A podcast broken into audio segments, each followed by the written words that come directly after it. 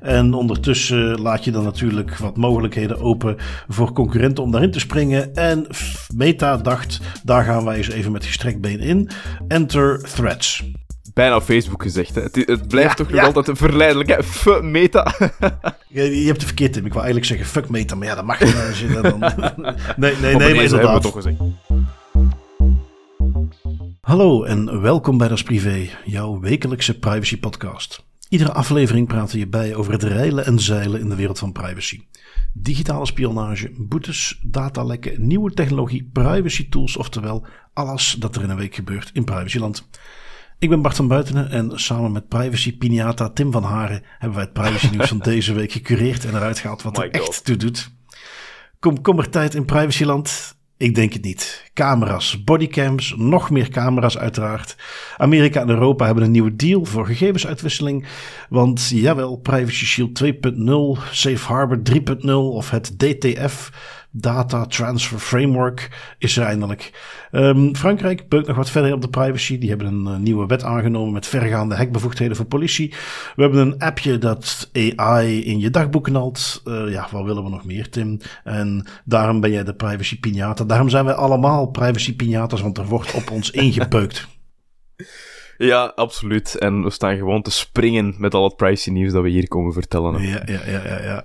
Um, een paar updatejes. We hebben ons zomerprojectje, um, waarin wij dus een, template hebben gemaakt om openbaarheid van bestuurverzoekjes te gaan doen bij gemeentes, steden, om de effectiviteit van camera's te meten. Ik heb daar al wat, uh, hoe zal ik het zeggen, feedback op gekregen van een aantal DPO's, mensen die, die uh, via, via die verzoekjes ook tot bij hen krijgen, omdat de vraag natuurlijk privacy georiënteerd is.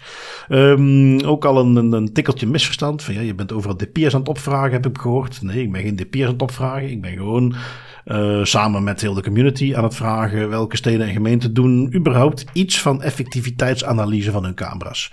Uh, we zitten nu op 32 gemeenten. Dat uh, vind ik al helemaal niet slecht. Uh, daar mogen er nog een heleboel bij. Het exacte aantal ken ik niet, maar volgens mij zitten we met 300 gemeenten in Vlaanderen. Um, om iets te kunnen zeggen wat een beetje representatief is voor de hele populatie, denk ik dat we met 32 eigenlijk al goed zitten. Maar uh, hoe meer, hoe beter. Um, tot nu toe, er is er eentje die al beantwoord is. Want dat is heel simpel. Uh, nee, dat soort dingen doen wij niet. Punt. Nu goed, dat is het antwoord dat ik op heel veel plekken verwacht. Uh, in ieder geval, dat is nuttig, is interessant. En ik kijk ernaar uit wat we daar nog van krijgen. Uh, en we hebben deze nog eens een warme oproep aan iedereen die nog niet mee heeft gedaan. Ga even naar onze website. Het eerste artikeltje gaat erover. Er staat een template bij. Je moet hem alleen maar mailen naar het juiste adres bij de gemeente. En uh, off you go. En dan kom je het lijstje erbij en gaan we dat gewoon opvolgen. Wat hebben we nog? Kleine update. En ik blijf toch altijd erg uh, ongemakkelijk uh, als ik deze zaak voorbij zie komen. We hebben hem al een paar keer benoemd. Die zaak van de moeder en dochter die in Nebraska terecht staan voor het uitvoeren van een abortus. Iets wat uh, mede door het opvragen van de Facebook chats, en daar is je link met privacy natuurlijk, achter zijn gekomen. Um, update is nu in september, komt de echte uitspraak, maar ondertussen heeft ook de moeder al een, ja zoals zo mooi het plea deal, dus die pleit schuldig in de hoop dan een lagere straf te krijgen. En zowel moeder als dochter kunnen in september tegen een straf van twee jaar de bak in. Uh, kunnen ze op uitkomen. Enkel en alleen omdat je controle wilt over wat er in je lichaam gebeurt. Ik, ja, daar, daar, blijf ik het toch. Uh, ik vind het gewoon lastig als ik dat iedere keer moet lezen. Ja, dat is, dat is gewoon heel fout op heel veel verschillende manieren.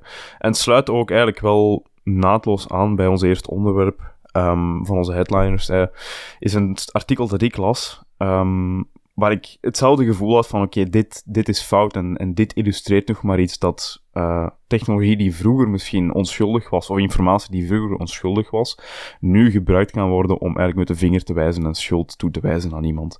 Want wat is er gebeurd? Um, de Electronic Frontier Foundation en de American Civil Liberties Union, of de ECLU, die hebben eigenlijk brieven gestuurd naar 71 uh, politieagentschappen, politiediensten in Californië.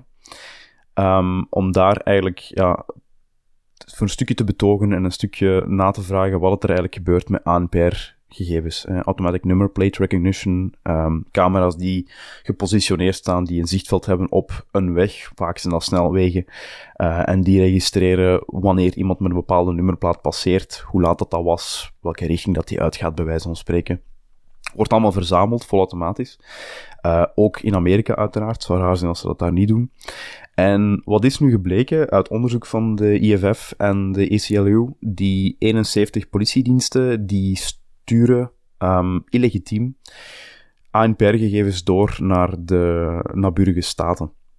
Dus er is een wetgeving, um, een stukje statelijke wetgeving in Californië dat bepaalt dat er ANPR-gegevens verzameld mogen worden, maar dat die niet zomaar mogen worden gedeeld met politiediensten buiten de staat Californië.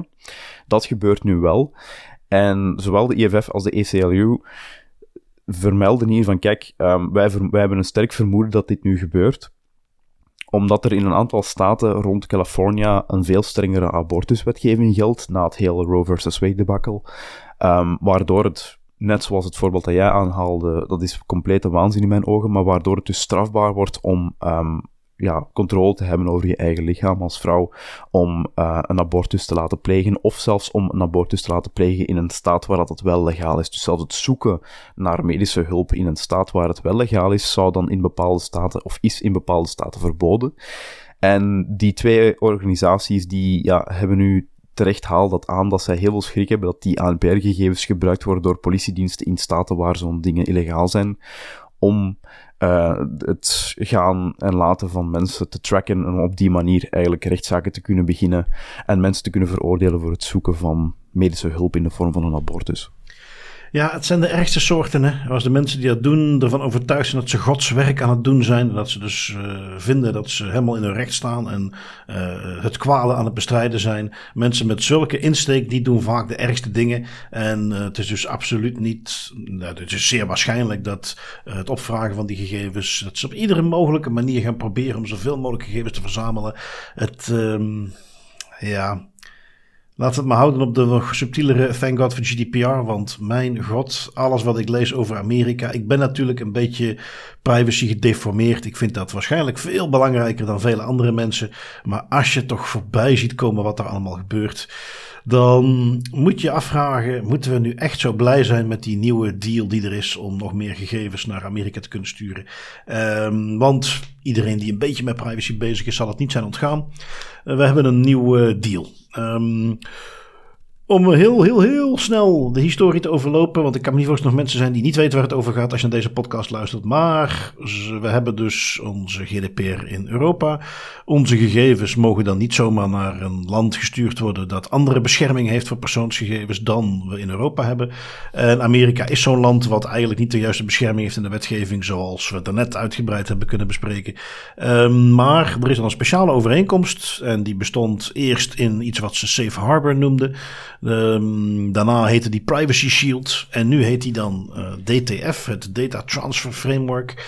Um, is een overeenkomst tussen Amerika en Europa. Waarin ze zeggen van nou, als je je aan deze en deze, deze regels houdt, uh, Amerika. Dan mogen jullie bedrijven onze gegevens verwerken. Um, Max Schrems laat zo'n overeenkomst iedere keer neersabelen. Omdat eigenlijk Amerika helemaal niet de juiste waarborgen biedt. En iedere keer als het Europees Hof van Justitie daarnaar kijkt, komen ze tot de conclusie: nee, nee, nee, het is nog steeds niet in orde. En dan sabelen ze het weer neer. En we zitten nu dus bij de finale versie, waarbij er weer een nieuw zo'n framework is.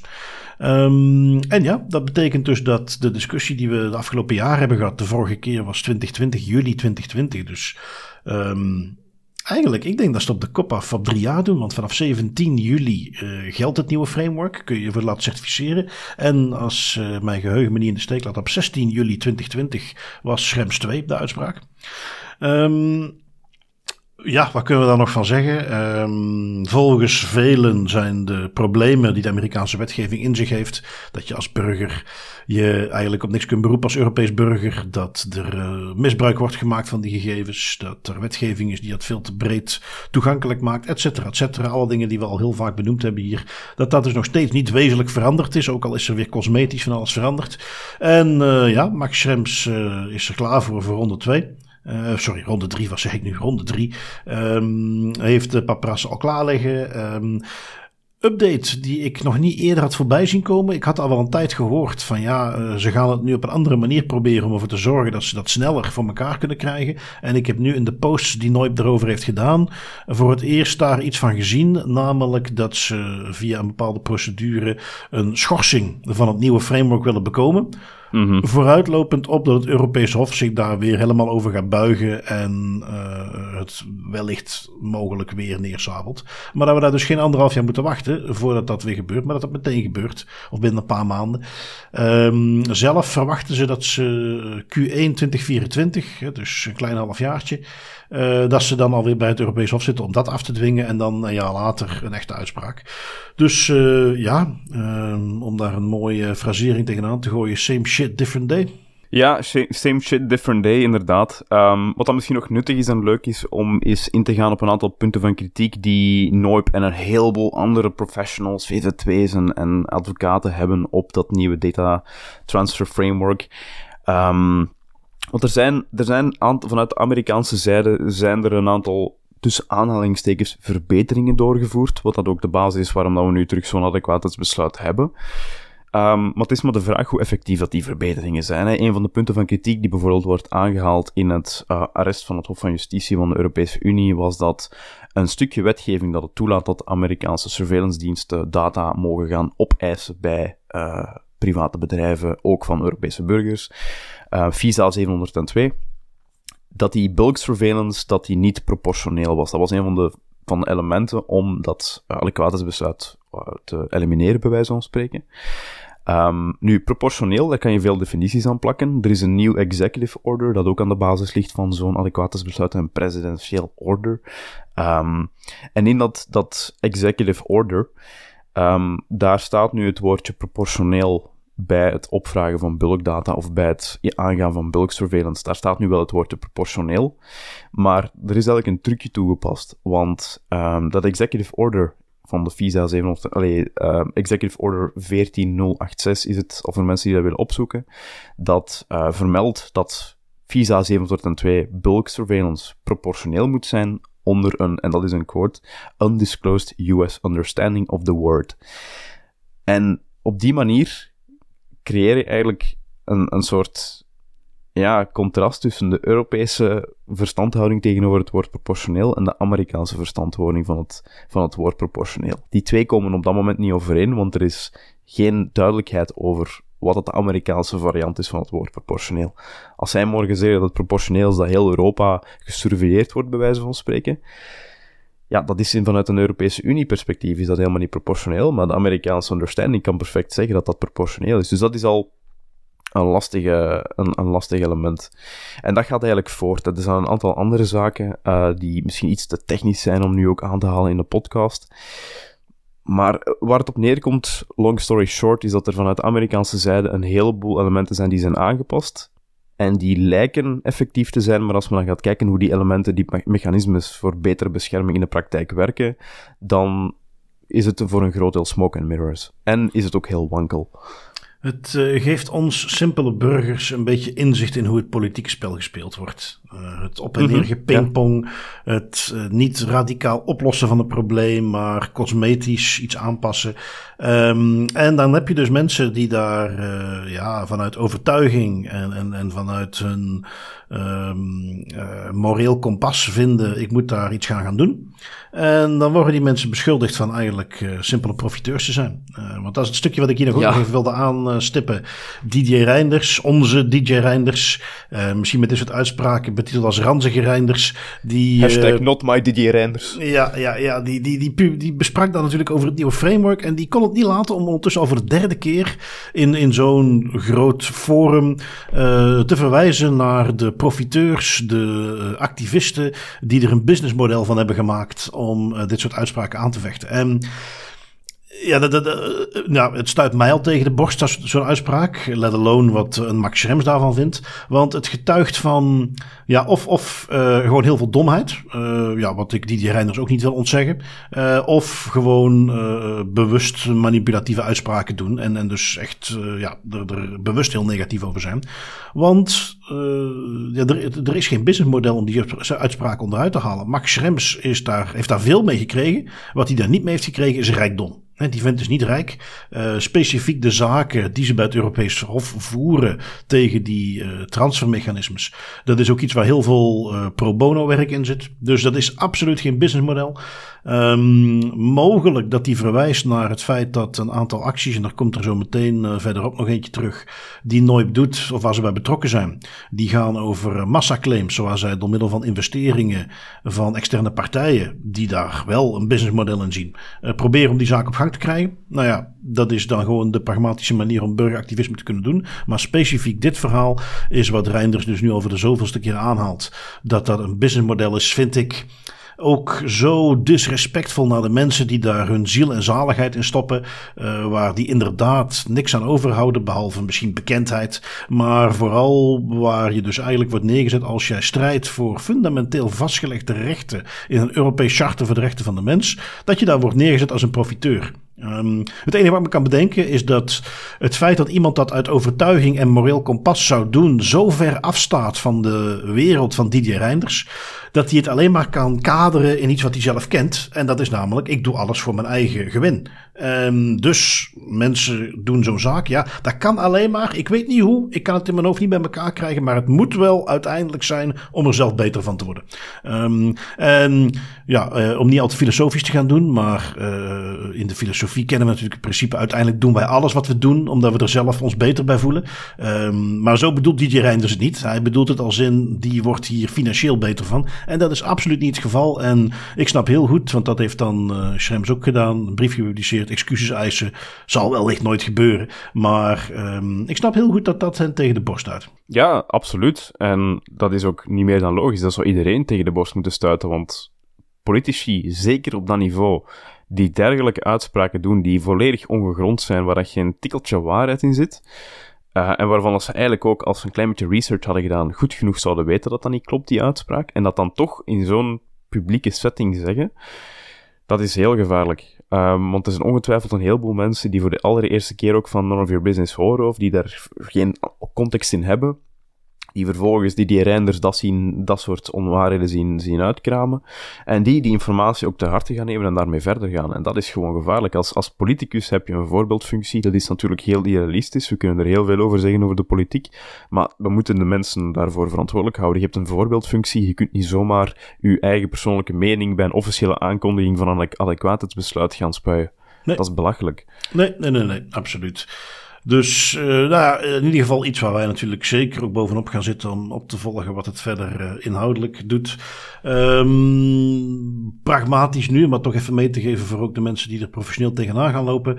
Hou rekening met dat je, als je daar binnenkort uh, verwerkingen tegenkomt, die steunen op dat nieuwe framework in plaats van de SEC's van vroeger. Je gaat privacy policies moeten updaten. hou je backup plan in de gaten voor als je over een tijdje er tegenaan loopt dat dat toch weer ongeldig wordt verklaard. Um, hou er rekening mee dat oude bestaande SEC's waarschijnlijk niet aangepast zullen worden. Want die zijn er nu, die zijn afgesloten. Uh, als je er nog hebt lopen, je transfer impact assessments zijn een stuk makkelijker geworden. Want je mag nu gewoon bij stap 3 is de wet adequaat zeggen. Ja, die is adequaat, klaar. En dus TIAS is voor Amerikaanse transfers nu eventjes veel, veel eenvoudiger. Um, verandert niks aan het feit dat, uh, en dat is iets kritiek die, uh, nou ja, hoe langer hoe meer terecht blijft. En dat is het volgende artikeltje over gaat. Dat men wel eens zegt van ja, maar jullie hebben boter op je hoofd. In Europa is het niet veel beter. Daar mogen inlichtingendiensten ook van alles. Daar mag men ook op allerlei manieren toegang krijgen tot data. En ik uh, vind nog steeds dat dat niet klopt. Hè, dat de manier hoe de FBI en NSC en dergelijke toegang tot data krijgen toch echt nog wel anders is. Maar uh, in Frankrijk doet justitie toch zijn best om die richting op te bewegen. Het is er eentje die jij hebt meegenomen. In Le Monde werd die benoemd. Wat voor nieuwe wetgeving heeft Frankrijk er doorheen gejast? Ja, ze hebben een nieuw stukje wetgeving dat er doorheen gejast, dat het mogelijk moet maken, of dat ze er doorheen willen jassen, om eerlijk te zijn, um, dat het mogelijk moet maken voor politiediensten om um, op basis van ja, smart devices, uh, auto's bijvoorbeeld, ook andere connected devices, de geolocatie van een individu te gaan bepalen. En in een volgende stap ook um, zonder dat daar een melding van komt op het toestel zelf, de camera aan te zetten of de microfoon aan te zetten of dingen die binnenkomen eigenlijk te gaan capteren en te gaan gebruiken. Uh, eigenlijk is dat gewoon ja, spyware die je dan op, die moment, op dat moment wilt gaan installeren en heimelijk wilt gaan gebruiken om verdachten te gaan surveilleren en te gaan monitoren zonder dat ze daarvan op de hoogte zijn.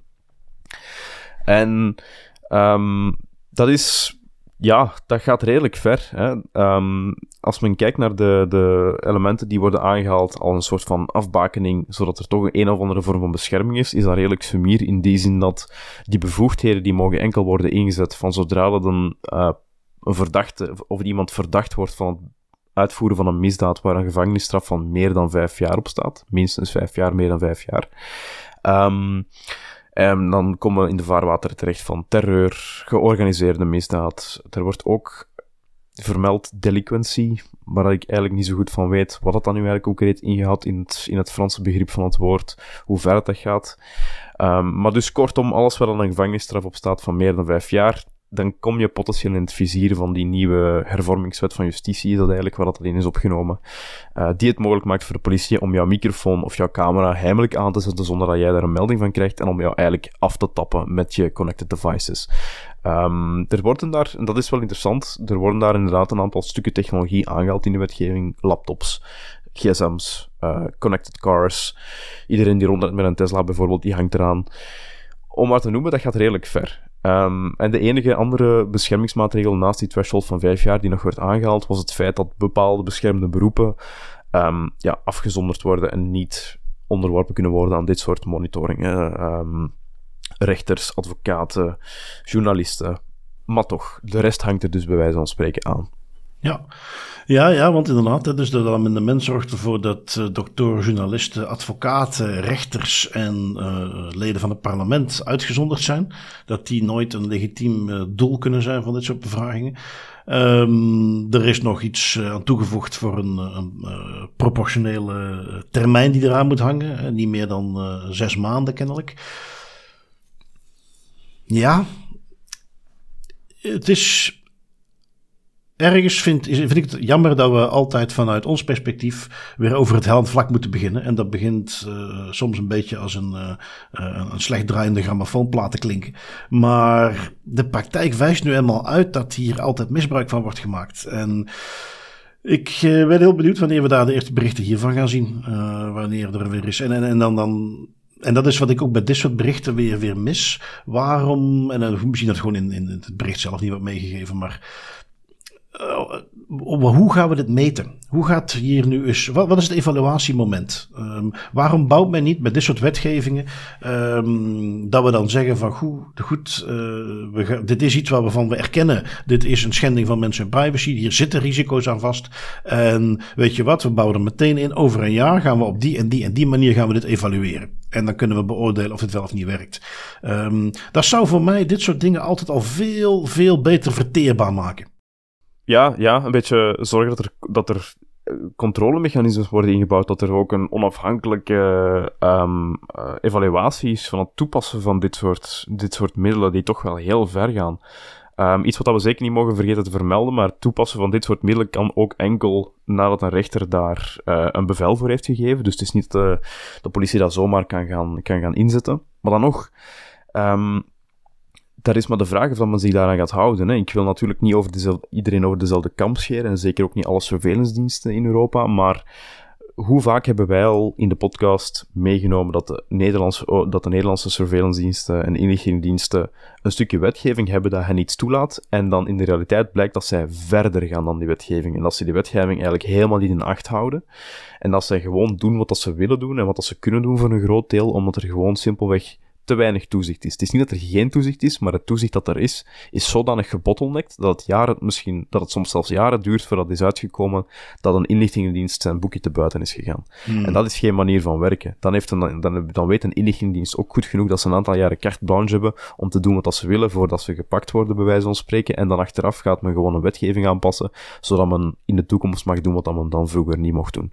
Dus dat is geen manier van werken. En ik ja, ik denk niet dat de, de Franse inlichtingendiensten het helemaal anders gaan aanpakken, eens als, of de politiediensten dan in dit geval het helemaal anders gaan aanpakken, eens als zij zo'n middelen hebben. De minister van Justitie, Eric Dupont-Moretti, die vermeldde nog in een, in een interview dat dit soort bevoegdheden enkel zal worden ingezet voor een paar dozijn cases per jaar. En dan moeten we ook al gaan nadenken over, is het wel noodzakelijk dat dit soort bevoegdheden überhaupt mogelijk worden gemaakt, als het maar in zo'n beperkte mate wordt ingezet. Ja, en dat is dan ook zo'n voorbeeldje van, uh, laten we dat eens opvolgen, hè, over een jaar. Oké, hoe vaak is deze bevoegdheid nu ingezet? Um, want ja, die bevoegdheid bestaat nog niet. Dus dan ben ik heel benieuwd hoe die heeft kunnen inschatten hoe vaak die oh ja, bevoegdheid uh, ingezet gaat worden. Maar goed, uh, dat zijn natuurlijk het soort drogredeneringen die ze er altijd bij halen. Um, wat heb ik nog meegenomen? Um, het Sky ECC uh, net zoals EncroChat, uh, zo'n cryptofoon, we hebben ze al vaak voorbij laten komen. Um, nu is er weer, het OM publiceert, het Openbaar Ministerie publiceert een artikeltje. Een man in Antwerpen, die is opgepakt, 27-jarige man uit Weinigem. Die had misbruik gemaakt van zijn toegang tot een databank van zijn werkgever. Er was kennelijk iemand die bij een, ja hoe heet het, pechhulp, pechverhelpingsfirma in het Antwerpse werkte. En op vraag van een criminele organisatie maakte die persoon dan misbruik misbruik van zijn toegang tot de databanken van zijn werkgever. Um, er staat nergens bij dat de, de databank van de DV's, de nummerplaten. Um, ik moet ook toegeven dat ik niet zou weten waarom een, en voor de volledigheid, ik heb geen benul of die persoon daar werkt of niet. Maar als je hoort pechverhelping in Antwerpen, dan denkt iedereen aan Depanage 2000. Dat is hele grote daar. Um, ik heb daar ook wel eens wat ervaring mee gehad. Uh, ik heb ooit een auto gehad die weggesleept is en die ben ik dan daar op gaan halen. Um, voor zover ik weet hebben zij geen inzage in de DV. Um, weten zij niet wat daarmee gebeurd is. Ik heb namelijk ook wel eens een auto gehad die weggesleept is, die daar een tijdje is blijven staan. En waar ik naar de rand moest gaan opsporen wat is daarmee gebeurd. En ik moest zelf met informatie komen. Uh, en toen konden ze in het systeem achterhalen wat ermee gebeurd is. Maar het is niet alsof ze uit zichzelf zijn gaan bekijken op wie staat die auto geregistreerd en we gaan die dan contacteren. Dus uh, want ik, ik pik het even op, omdat er op, ook op Twitter meteen werd geroepen: ja, waarom hebben die überhaupt toegang tot de DV-databanken? Ik weet niet of dat zo is. Bij mij weten niet. Neemt niet weg toegang tot databanken die die niet horen te hebben, misbruikt om wel degelijk in ieder geval de gegevens die ze wel hadden door te geven aan een criminele organisatie. Um, en ja, dat is uh, net zoals EncroChat. Vorige aflevering gaven, we al mee dat uh, Europol vrijgaf hoeveel arrestaties ze daarmee gedaan hadden, hoeveel ze in beslag hebben genomen. En Sky ECC gaat daar gewoon vrolijk, uh, vrolijk op verder. Dat is wel iets om nog in het achterhoofd te houden, want we gaan er binnenkort waarschijnlijk nog veel meer zaken over zien komen. Hè? Die ja. Sky dat blijft. Het is a gift that keeps on giving eigenlijk. Hè? Ja, ja en, en goed, waar heb ik ook meenam. Behalve dat ik het gewoon interessant vind om me op te volgen. En dat ik er zo meteen ook nog even in wil gaan op reactie die ik erover voorbij zag komen. Maar um, ja, weer misbruik van toegangen. Hè? Uh, denk weer ons puntje van daarnet. Uh, Zoals we gaan meer bevoegdheden geven aan uh, autoriteiten, aan, aan, aan handhavingsdiensten om toegang te verkrijgen. Um, uh, dat men er dan ook gepast rekening mee houdt dat ook de waarborgen dan versterkt worden. En dat, dat missen we nog vaak. Um, waarom ik hem ook meegepikt had, ik zag een, een tweetje voorbij komen van uh, Patrick Breyer. Um, Patrick Breyer, oftewel als we het hebben over chat control, die wetgeving die toegang tot onze berichtjes en dergelijke gaat mogelijk maken vanuit Europa. Dat is iets waar hij heel veel mee bezig is. Um, er is uh, in uh, het Europese Hof is er ook een, een, zaak geweest over in dit geval uh, EncroChat, maar meteen toepasbaar op Sky ECC ook. Um, en waar het hier over gaat, en dat zijn punt is, dat, dat maakt hij ook in zijn tweetje. Er waren dus 60.000 gebruikers in de EncroChat-hack. Daar zijn er dus 6.500 van gearresteerd, zoals wij al hebben benoemd vorige week. Um, en zijn punt is, ja, hoe zit het dan met de andere gebruikers? Um, anonymisering is een recht, uh, geen misdaad. En hun punt gaat er dus over van, ja, uh, er worden nu potentieel allerlei andere mensen die die dienst gebruikten voor hele nuttige doeleinden, die hun privacy wordt nu geschonden. Um, vorige keer ben ik het dus echt helemaal met die vent oneens. Um, ten eerste omdat in het verleden al gebleken is dat de politie zich wel bewust is van dat risico. Um, heeft ook de mogelijkheid meegegeven, en, en, ja, je kunt daar cynisch over zijn. Ik snap het cynisme ook helemaal. Maar heeft in het verleden ook aangegeven van kijk, beste advocaten, wij uh, kunnen ons voorstellen dat jullie in de context van je uh, cliëntenconversaties misschien ook zo'n telefoon hebt gebruikt. Wel, laat het ons weten. Want dan gaan wij ervoor zorgen dat gesprekken die, waarvan jij kunt aantonen dat die niet buiten binnen ons onderzoek mogen vallen, dat we die eruit kunnen halen. Um, hoe proactief ze daarmee zijn, wat voor maatregelen ze elders nemen, weet ik niet. Maar waarom ik wat moeite heb met uh, nu Brian uitspraak is, dit is het, voor mij echt een schoolvoorbeeld van een, een proportionele actie. Een dienst waarvan iedereen weet. Daar gaan we niet, zelfs ik, heel privacy-minded, maar ik weet ook heel zeker, de grote, grote meerderheid van deze dienst was gewoon crimineel gebruik. Dat weet je uit het verleden, omdat die diensten, dat is het, de, de, de, gewoon de geschiedenis van die diensten wijst dat uit. Dat weet je omdat de 1000 euro per maand prijs niet iets is wat mensenrechtenactivisten klassiek kunnen doen. Dat weet je omdat uh, ook voor mensenrechtenactivisten en, en alle andere journalisten en dergelijke, die gebruiken die telefoons gewoon niet. Dat komt niet voorbij. Je hebt ook allerlei andere tools die je daarvoor kunt gebruiken. Met andere woorden, ik vind dat Breyer hier een klein beetje doorslaat en aan, aan, aan het vechten is voor uh, recht op anonimisering voor een doelgroep waar je hier opnieuw afgebakend, hè? niet alle communicatie van iedereen, daar snap ik zijn gevecht, ben ik het helemaal mee eens, uh, alles rond chat control, maar je hebt hier gewoon een afgebakende doelgroep waarvan je gewoon weet, hier is de kans zo groot dat het gaat om criminele chats, die gaan wij gewoon allemaal binnenhalen en dan gaan we daarna wel filteren. Ik kan daar eigenlijk wel mee leven in deze context. Ja, absoluut. Um, ik denk dat dat is zeker iets dat in elk narratief niet mag vergeten worden, ook als het aankomt op privacy, is het is een balansoefening. Het recht op privacy mag ook niet doorslaan en ten koste gaan van andere rechten of andere beschermingen van burgers. En dat is iets, dat is geen gemakkelijke discussie, dat, dat herkennen wij natuurlijk ook. Maar dat is wel een discussie die gevoerd moet worden en die altijd open en transparant gevoerd moet worden. En in dit, dit is, zoals jij ook al aangeeft, dit is inderdaad een mooi voorbeeld van inderdaad potentieel een inbreuk op de privacy van mensen die voor een volledig legitieme reden gebruik maken van zo'n, van zo'n cryptofoon. Ook al, net zoals jij Bart, vermoed ik dat dat er heel weinig gaan zijn. Want gebruik gewoon Signal of Element of WhatsApp. Voor, er zijn andere alternatieven waar de average consumer gebruik van maakt om zijn communicatie te beveiligen. Maar stel dat je dan nog een legitieme reden hebt ja, oké, dat, dat is inderdaad nog altijd proportioneel. Het was een doelgerichte actie. Je bent de bijvangst van een zeer beperkte set aan data. Laten we dat niet, laten we dat niet vergeten. 60.000 60.000 mensen of 60.000 gesurveilleerden. Als je vergelijkt met bijvoorbeeld wat de chatcontrol wilt gaan doen, dan gaat het over miljoenen of miljarden mensen. Dat is een heel andere grootorde we moeten daar altijd een balans in zoeken. En 60.000 is in mijn ogen een volledig acceptabele set van mensen die gesurveilleerd worden. Ook al is er dan nog een heel groot percentage van mensen die daar ja, legitiem uh, gebruik van maken.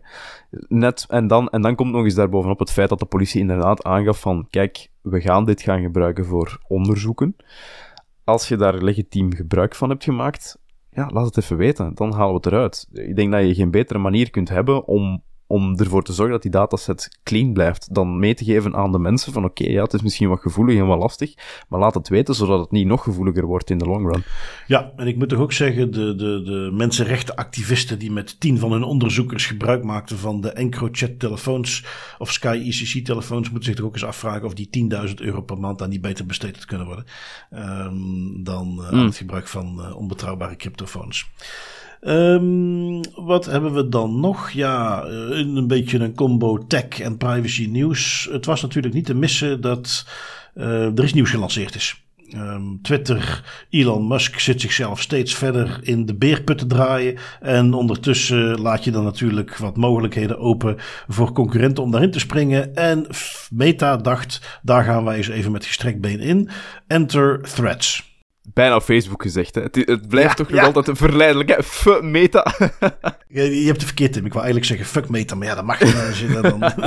nee, nee, nee, maar inderdaad. hebben we toch gezegd. Ja. um, nee, dus inderdaad.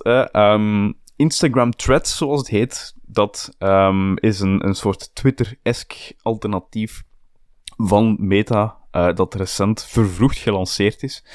En um, ja, we gaan er niet te veel op ingaan van wat dat is, maar je moet dat eigenlijk zien als dat is een beetje zoals Twitter, je kunt daar, je kunt daar berichten op zetten, mensen kunnen daarop reageren, je kunt er ook dingen op posten. Um, heel gelijkaardig aan Twitter. Maar waarom nemen wij het mee? Wat is nu een beetje de insteek natuurlijk vanuit onze kant? Um, Threads is vooralsnog niet beschikbaar in de Europese Unie. Het is beschikbaar in een heleboel delen van de wereld, maar niet in de EU. En daar zijn een aantal geruchten die daar in gaan, van ja, waarom zouden ze dat nu doen? Een van de dingen die daar naar boven komt, is ze mogen het, ze kunnen het niet doen of ze mogen het niet doen, want de privacywetgeving in uh, Europa die is te streng. En er zijn nog een aantal dingen die gewoon volledig fout zitten op het vlak van threads. Um, je kunt, een van de gimmicks van Threads is, je kan heel gemakkelijk inloggen of een Threads-account aanmaken vanuit Instagram, want dat zit gewoon in het hele meta-ecosysteem. Dus je kan je, je Instagram-account koppelen aan Threads en op die manier heel gemakkelijk en vlot dat platform beginnen te gebruiken. Maar als je dan vervolgens je Threads-account zou willen verwijderen, dan moet je eigenlijk je hele Instagram-account verwijderen, want die twee platformen zijn zodanig ja, gekoppeld aan elkaar dat je niet kan zeggen ik wil mijn Threads-account verwijderen, maar niet mijn Instagram-account. Daar valt al redelijk wat over te zeggen. De privacy-verklaring, denk ik, zat ook vol met dark patterns. Uh, en was ook niet volledig. Um, dus ja, misschien is dat gerucht dat het, dat het hier gaat over het feit dat Threads nog niet volledig conform met pricewetgeving is. Misschien is dat wel waar. Misschien heeft Meta zoiets van: oké, we hebben onze, onze vingers een klein beetje hier en daar verbrand aan uh, de uitrol van, van platformen in het verleden in de Europese Unie. Misschien gaan we nu toch wel opletten hoe dat we het gaan aanpakken. Who knows? Het enige wat dat wel effectief feitelijk geweten is, is dat de eerste toezichthouder, de Data Protection Commission, um, met Meta in gesprek is gegaan om te kijken van oké, um, moeten wij hier nog ergens helpen? Waarin Meta ook heeft gezegd dat ze het voorlopig niet gaan release in de Europese Unie. En bon, als de Data Protection Commission er voor iets tussen zit, dan denk ik wel dat privacy hier een zwaarwegend onderwerp was. Ja, ja, ja, ongetwijfeld. Uh, het is misschien de straf van Meta nou, de boete van 1,2 miljard, haha, dan mogen jullie threads niet gebruiken. Um, ja, ik, uh, ik heb geen Instagram, dus ik kan ook geen threads gebruiken. Zelfs al had ik dat, weet ik niet of ik dat had gedaan. Maar uh, ja, de dark patterns inderdaad, je benoemde ze al. Iedereen heeft eigenlijk op de achtergrond al meteen een threads user gekregen. Dus Meta kan heel snel gaan gooien met gebruikersaantallen van kijken hoe snel wij geadopteerd worden. Um, geadapteerd worden, moet ik zeggen. Um, ze hadden ook al cijfertjes gepubliceerd waar ze open AI voorbij staken als degene die op de kortste tijd het meeste aantal registraties had. Maar ja, nogal wie dus als je het zo makkelijk hebt gelinkt. Nee, inderdaad. En dan vooral hè, dat het eruit zetten kwamen mensen dus achter van ja, maar dan moet ik ook mijn Instagram dichtgooien. Ja, dat gaat dus niemand doen als je Instagram hebt, neem ik aan. Dus uh, dat, dat, wordt weer drie keer niks. Um, ja, het is. Ik, ik, ik Um, wat ik wel jammer vind, waar ik moeite mee heb. Ik ben. Um, we hebben dat volgens mij nog niet eerder besproken, maar toen Musk Twitter overnam, ben ik een tijdje heel erg into Mastodon geweest. Uh, ik dacht echt van oké, goed, dan gaan we voor het open source vrije alternatief. Ik heb dat echt een kans willen geven. Um, de app en zo werkt ook gewoon prima hoor. Daar ligt er eigenlijk niet eens aan. Maar de, de, de, de sfeer, de dingen die voorbij kwamen op Mastodon, het heeft nooit mijn Twitter-lijst kunnen evenaren. En ik merkte dat ik dus geleidelijk aan dat ik gewoon niet meer naar Mastodon toe ging. Um, er, er, is iets anders aan. Ik kan het heel moeilijk onder woorden brengen. Behalve dan dat ik gewoon, als ik er naar keek, dat ik daar minder interessante dingen tegenkwam dan ik altijd tegenkwam. Terwijl ik toch heel veel van dezelfde mensen volgde. Maar er zit een soort politieke correctheid en, en, en iets te, te ja, ik, men wil het wat te netjes doen en tegelijkertijd is het toch ook weer iets te nerdy. Ik weet het niet. Ik kan het moeilijk onder woorden brengen, maar bottom line is, ik ben toch eigenlijk weer teruggegaan naar Twitter, want ik haal er gewoon heel veel uit. Uh, ook voor de podcast, ook om dingen op te volgen, ook voor current affairs. Het is gewoon, ik, ik doe er qua interactie, ook zelfs ook voor ons, om een beetje iets te publiceren, heeft het zijn waarde. Ik doe er niks social-achtigs mee. Het is voor mij geen social media, het is een business media, net zoals LinkedIn. Um, maar wat dus, het punt dat ik wil maken is, ik vind de, uh, het landschap, hoe zich dat nu aan het versplinteren is. Je hebt dan Blue Sky, uh, wat ook weer zo nieuw is, wat volgens mij door de oprichter van Twitter is opgericht. Je hebt dan Threads nu je had Mastodon. Uh, ze noemen in het artikeltje dat wij ook linkten, waar ze de privacy policies bekijken, nog iets dat heet. Ken ik niet. Um, ik, ik, ik, waar ik een beetje bang voor ben, want opnieuw dat, dat Twitter aan het imploderen is, lijkt toch, ja, dat dat, dat, gaat niet op een trager tempo, laat ik het zo zeggen. Uh, en waar ik bang voor ben, is dat we er straks helemaal niks meer hebben. En dat Twitter ook niet meer is, maar dat Threads iets is waar ik ook heel ver uit de buurt blijf. Uh, dat Blue Sky het ook niet is, dat Mastodon het ook niet is. En dat zou ik wel heel jammer vinden, want uh, ik kan wel zeggen na, goh, denk dat ik ondertussen misschien zelfs al een jaar of tien op Twitter zit. Ehm, ik heb er toch wel veel uitgehaald. Dus in die zin is het, is best jammer. Ja, ja het, zal er, uh, het zal er inderdaad van afhangen waar dat threads ook gebruikt voor gaat worden. Hè. Dat is, Twitter heeft zo zijn eigen doeleinden, om het zo te zeggen. Er wordt heel veel nieuws opgedeeld, er wordt heel veel over gediscussieerd over dat nieuws. Um, Instagram daarentegen, ja, dat is meer het delen van toffe foto's en vakantiefoto's en kijken welke coole dingen ik in mijn leven doe. En het feit dat je Threads eigenlijk heel gemakkelijk kan koppelen aan Instagram en op die manier kan gebruiken, doet mij vermoeden dat Threads misschien een iets minder serieuze toon gaat hebben dan Twitter. Net omdat een heel groot deel van de Instagram-crowd gewoon heel gemakkelijk naar Threads kan gaan. I don't know, we zullen zien. Hè. Het kan zijn dat die, dat die elk hun eigen subset van, van ja, doeleinden gaan, gaan kunnen vervullen en dat op die manier alles in harmonie gaat verlopen. Um, we, zullen, we, kunnen het niet, we kunnen het niet weten, we moeten het zien. Ik ben alleszins wel fan van het idee dat het een klein beetje meer opgesplitst wordt, zodat niet alles bij één entiteit ligt. Dan, dat een beetje competitie kan nooit kwaad in Big Tech, denk ik. In ieder geval, ik vind het nooit een slecht teken als ze dat niet in Europa uitrollen vanwege de privacyvoorwaarden. Dat uh, zegt ook weer genoeg. Um, wat dichter bij huis, want we hebben het nog niet genoeg over camera's gehad. Uh, weer een ontwikkeling. Actieplan tegen agressie op openbaar vervoer. Um, ja, de lijn en ook NMBS, MIVB, die willen bodycams gaan inzetten. Uh, cijfertjes die ook in het artikel genoemd worden. Enkel van de lijn, uh, die lopen al uh, zes keer per week gemiddeld tegen fysieke agressie aan. Dus een controleur of een chauffeur, zes keer per week op basis van cijfers lopen die tegen fysieke agressie aan. Ja, dat is wel heel veel. Um, ik ben gewoon even benieuwd, Tim. Bodycams voor die controleurs, wat vind jij ervan? Ik denk niet dat dat echt heel veel gaat uithalen, om heel eerlijk te zijn hetzelfde reden dat we eigenlijk bij een aantal andere dergelijke cases dezelfde redenering aanhalen. De mensen die. Allee, kijk, wat het gaat uithalen is het gaat het gemakkelijker maken om bewijs te brengen tegen iemand die inderdaad fysiek agressief is tegen de controle op, de, op het openbaar vervoer. Dat absoluut wel, want dan heb je gewoon letterlijk iemand die in je gezicht en in de camera staat te schreeuwen. Dus oké, ja, als dat het doel is, dan uh, is dat een effectieve maatregel. Maar als het mensen moet afschrikken, ik weet het niet. Ik denk dat het in sommige gevallen zelfs ook ervoor kan zorgen dat mensen nog agressiever zich gaan opstellen tegenover controleurs, omdat ze ook gefilmd worden. Um, ja, en dat dat dan ook agiteert. Ik denk eigenlijk dat het uh, gaat helpen. Um, ik denk dat ze er heel goed aan doen om zo breed mogelijk te communiceren over die camera's. Uh, zodat iedereen en bordjes op te hangen bij de bussen, wat ook natuurlijk privacy technisch moet. Maar benadruk maar vooral dat men die bodycams heeft.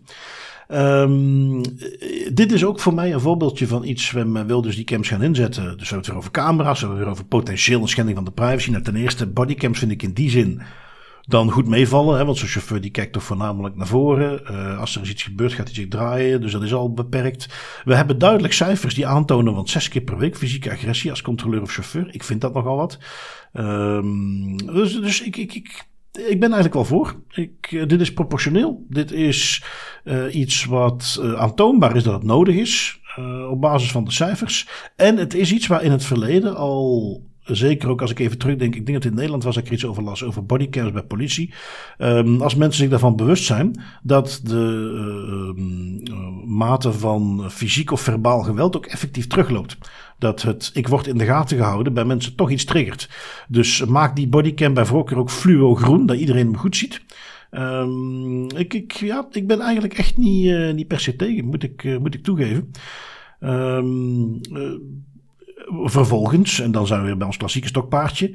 Dan willen we dus ook dat er wordt bijgehouden. Ga bijvoorbeeld misschien eens testen op bepaalde ja. lijnen waar veel overlast is. En ga eens meten, werkt dit? En ga het nou niet meteen overal in heel de lijn uitrollen. Ga het eens een keer testen. Um, doe het eens op een aantal klassieke lijnen. Maak er reclame rond. Kondig dat goed aan. Maak die camera's goed zichtbaar. En ga eens kijken of je er iets mee merkt. En ik denk dat je er iets van gaat merken. En rol het dan van mijn part meteen overal uit.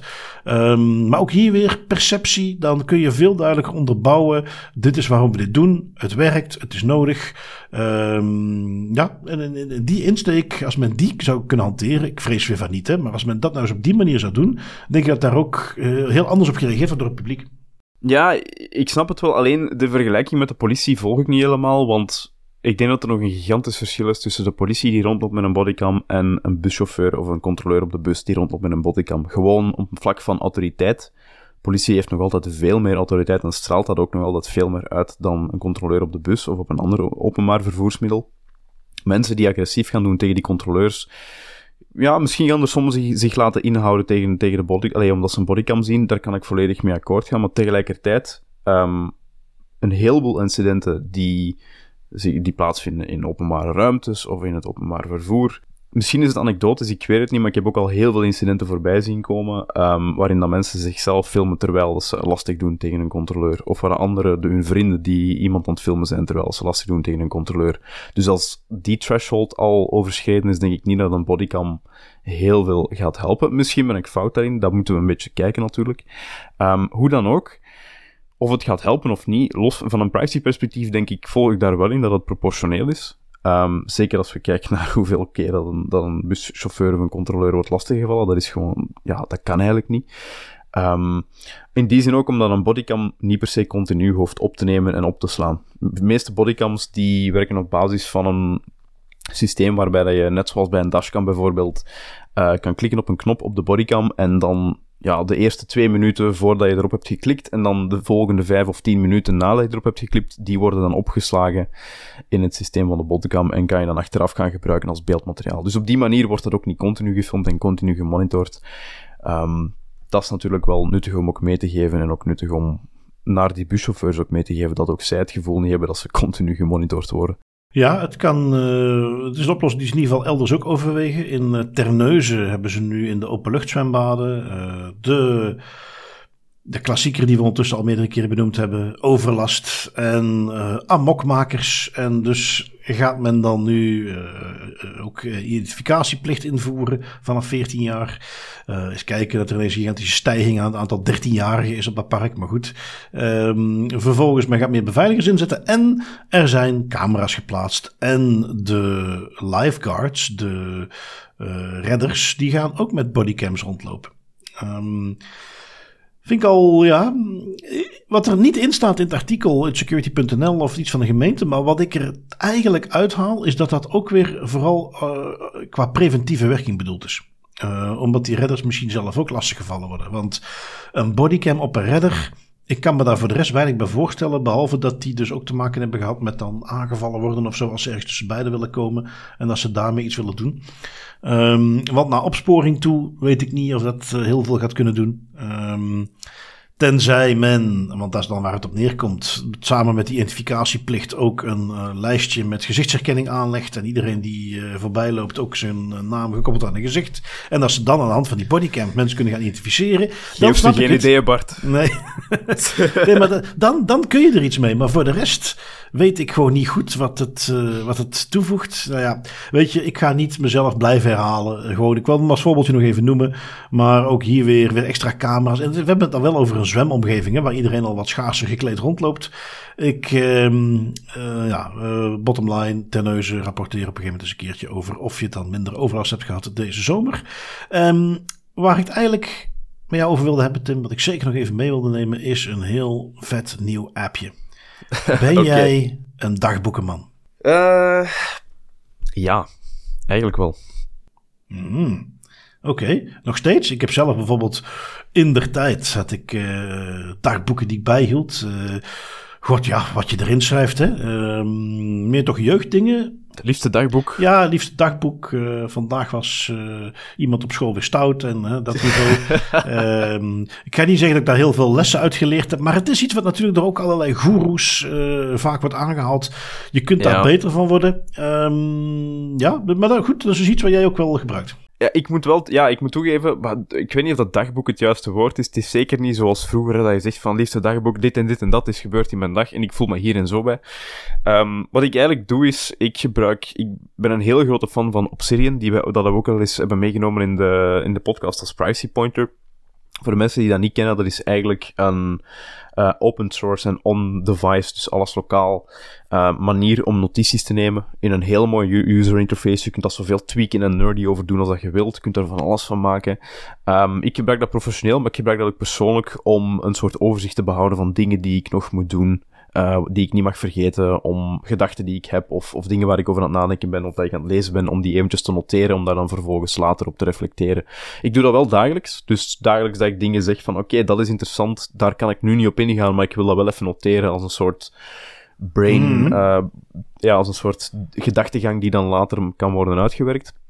Ik gebruik het daar wel voor. Okay, dus het is, mooi, minder, mooi. het is minder een overzicht van mijn dag en meer een tweede brein, bij wijze van spreken. Heb je nou nooit, als je dat dan doet, het gevoel dat jij AI nodig hebt om jou te helpen om dat dagboek te schrijven? Wat een overbodige vraag is met dat, Bart.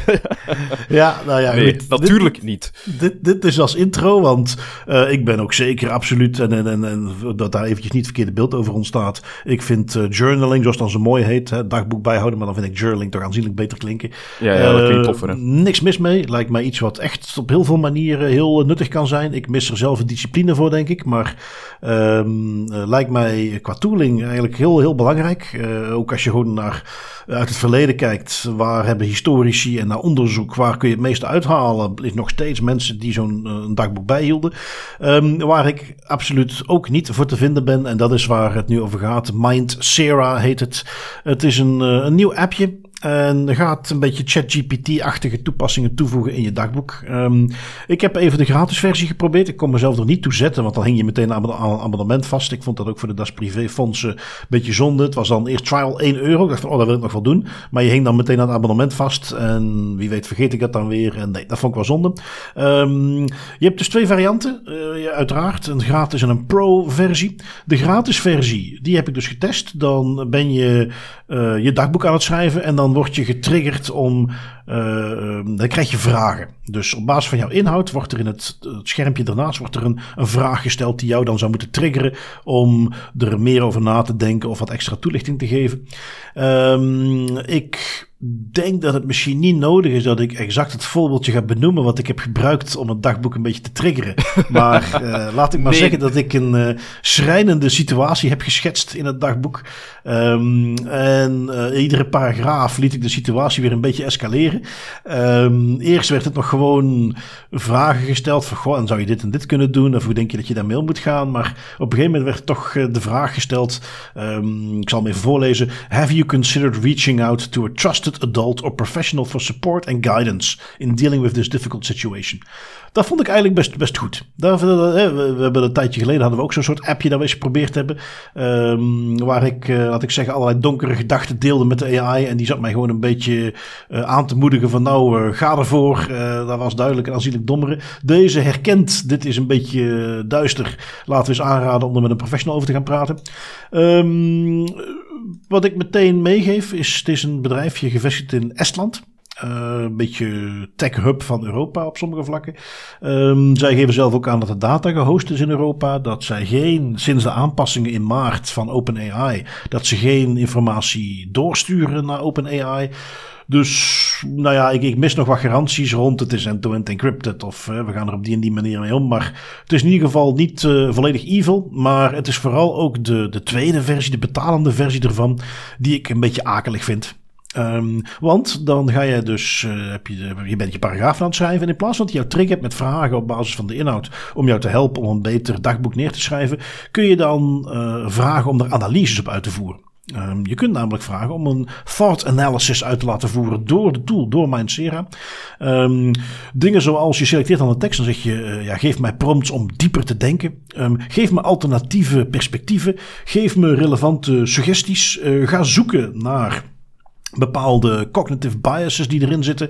En daar vind ik dat het eigenlijk gewoon buitengewoon gevaarlijk wordt. Als wij zien hoe slecht de tools die we nu kennen eigenlijk zijn, zeker met dat soort dingen. Het laatste wat ik ga willen doen is op mijn diepste gedachten, want dat is toch een beetje wat een dagboek zou moeten zijn. Dat is toch ook wat ze mee willen geven in dat dagboek.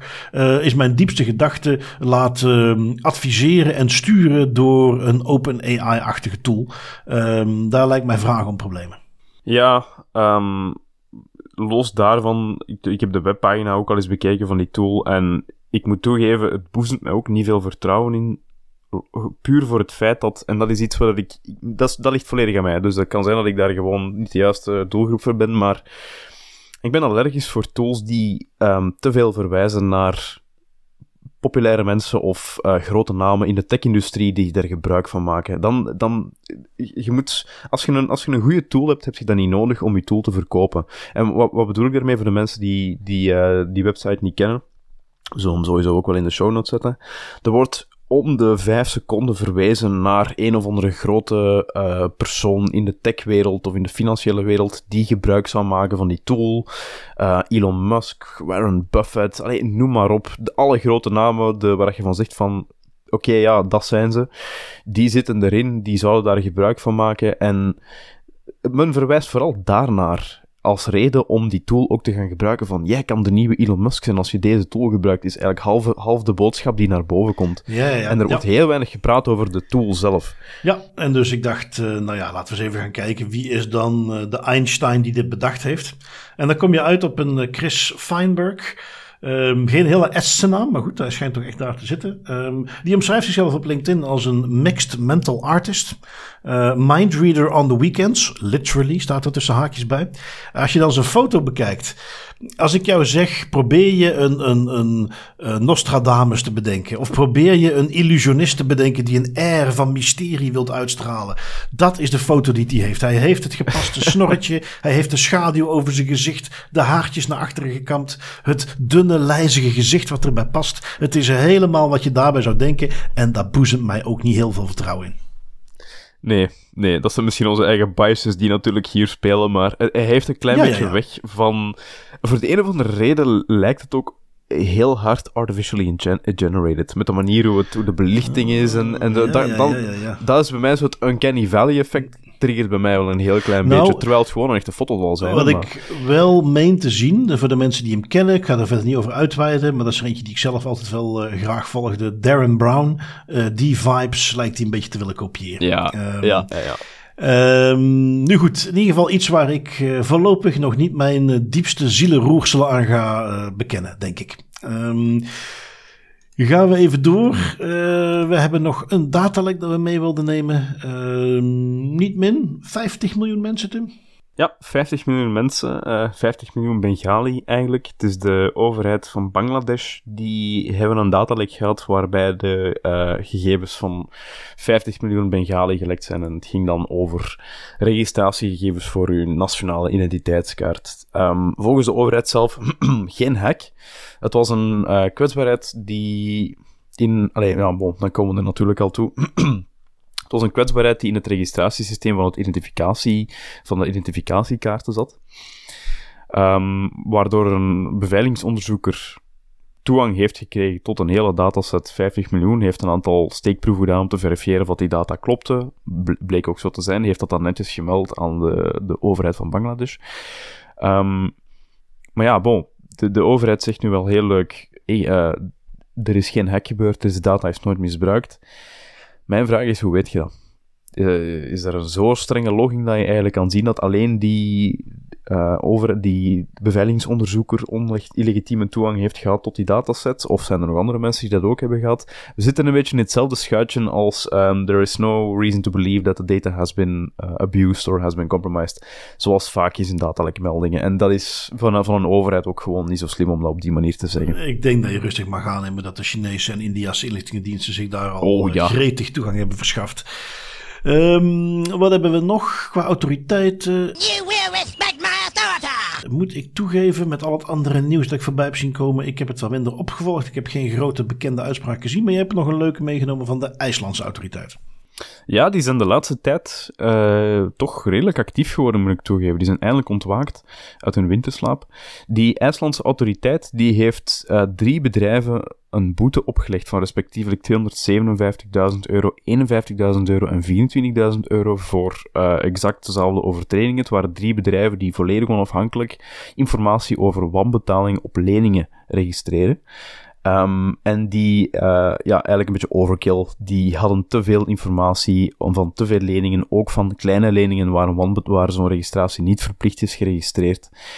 Um, en op die manier ja, overtreden zij eigenlijk het principe van dataminimalisatie. Dat was niet een proportionaliteit, dat was niet noodzakelijk. Er waren te veel gegevens verzameld en daarvoor krijgen zij die boetes. Een verzwarende factor omdat het hier gaat over heel veel persoonsgegevens en om het feit dat dat een effect kan hebben op ja, het financieel welzijn van een individu. Ja, lijkt me ook. Dus weer je klassieke kredietregistraties die buitenproportioneel zijn. Iets dat we toch ook echt hebben. We hebben zaken gehad in België, Nederland, Duitsland en nu dus IJsland. Komt dat steeds terug. Um, Oké, dan uh, sluiten wij af met onze privacy pointer. Wat heb jij deze keer meegenomen, Tim? Ik heb iets meegenomen voor de professionals. Dus echt voor de mensen die er in de nitty-gritty details willen duiken van waar wij mee bezig zijn. Um, het is een studie van het Europees Parlement die ik in de show notes zal linken. En die studie, de titel ervan heet Biometric Recognition and Behavioral Detection. En waar gaat dat over? Bart en ik waren erover bezig aan het begin van de podcast, maar een van de elementen die uitdagend is als we het hebben over, het, uh, over biometrische technologie is definiëringen. Wat is biometrische technologie? Wat is facial recognition? Wat is biometrische identificatie, identificatie, verificatie? Daar moet duidelijkheid over zijn voordat je zo'n discussie kunt gaan starten, want anders dan verzand je al meteen in, de meer semantische elementen van een discussie. Uh, waarom heb ik die nu meegenomen? Die, die uh, studie van het Europees Parlement, die geeft eigenlijk een mooi referentiekader om te praten over biometrische herkenning, um, om het detecteren van gedrag, over de uh, zowel ethische als legale aspecten die in acht moeten worden genomen als men zo'n technologie zou willen gaan toepassen. Geeft ook een heel mooi referentiekader mee over de wetgeving die van toepassing is in Europa, over precedenten die zijn gezet door bepaalde rechtbanken. Um, het is heel nuttig voor mensen die met die technologie bezig zijn, zeker als je daar vanuit de diepgang vanuit een privacy perspectief mee bezig bent, of vanuit een ethisch perspectief, om die studie eens te lezen, want er staan een heleboel nuttige dingen in die uh, de conversatie uh, maken. Oké, heel interessant. Eentje die ik ook niet kende, die ik zeker er eh, ook even bij ga pakken. Um, ik heb wat dat betreft een, wat simpelere privacy pointer. Ik ga wat dingen herhalen en ik ga gewoon eventjes meegeven, denkend aan Mindsera, onze prachtige journaling dagboek app. Als je journalt, doe het dan veilig. Uh, ik raad je toch van harte aan, want ik kan het alleen maar toejuichen. Ik denk dat het heel nuttig is. Maar doe het op een plek die niet publiek toegankelijk is. Doe het op een plek waar niet iemand er toevallig tegenaan kan lopen. Doe je het op papier in een, een boekje met een slotje erop, zoals destijds. Nou ja, dat kan ook al werken. Um, zelf, als ik dat wel eens deed, doe ik het in een app die end-to-end encrypted is. En waar op de notitie waar die dingen in staan ook nog eens een wachtwoord of vingerafdrukbeveiliging staat. Het geeft je wat eh, peace of mind. Um, en uh, in ieder geval een persoonlijke tip waar je zelf mee doet wat je wilt. Maar later voorlopig nog geen AI oplos, zou ik zeggen. Um, voor de rest wil ik gewoon nog eventjes een shout-out doen. Net zoals in het begin naar ons zomerprojectje. Hoe meer zielen, hoe meer vreugd en hoe meer data we hebben. Um, en ga ik gewoon nog eens een keer Privcon benoemen. Onze conferentie op 4 oktober. Waar wij binnenkort ook de sprekers van kunnen gaan publiceren. Want die heb ik bijna helemaal compleet nu. En daarmee sluit ik het af voor deze week. Beste luisteraars luisteraars, jullie weer heel erg bedankt om een uur naar Tim en mij te luisteren. We hopen dat jullie het nog steeds interessant en leuk blijven vinden. En Tim, jij ook weer bedankt voor je tijd. Zoals altijd, met heel veel plezier en tot volgende week. Tot volgende week.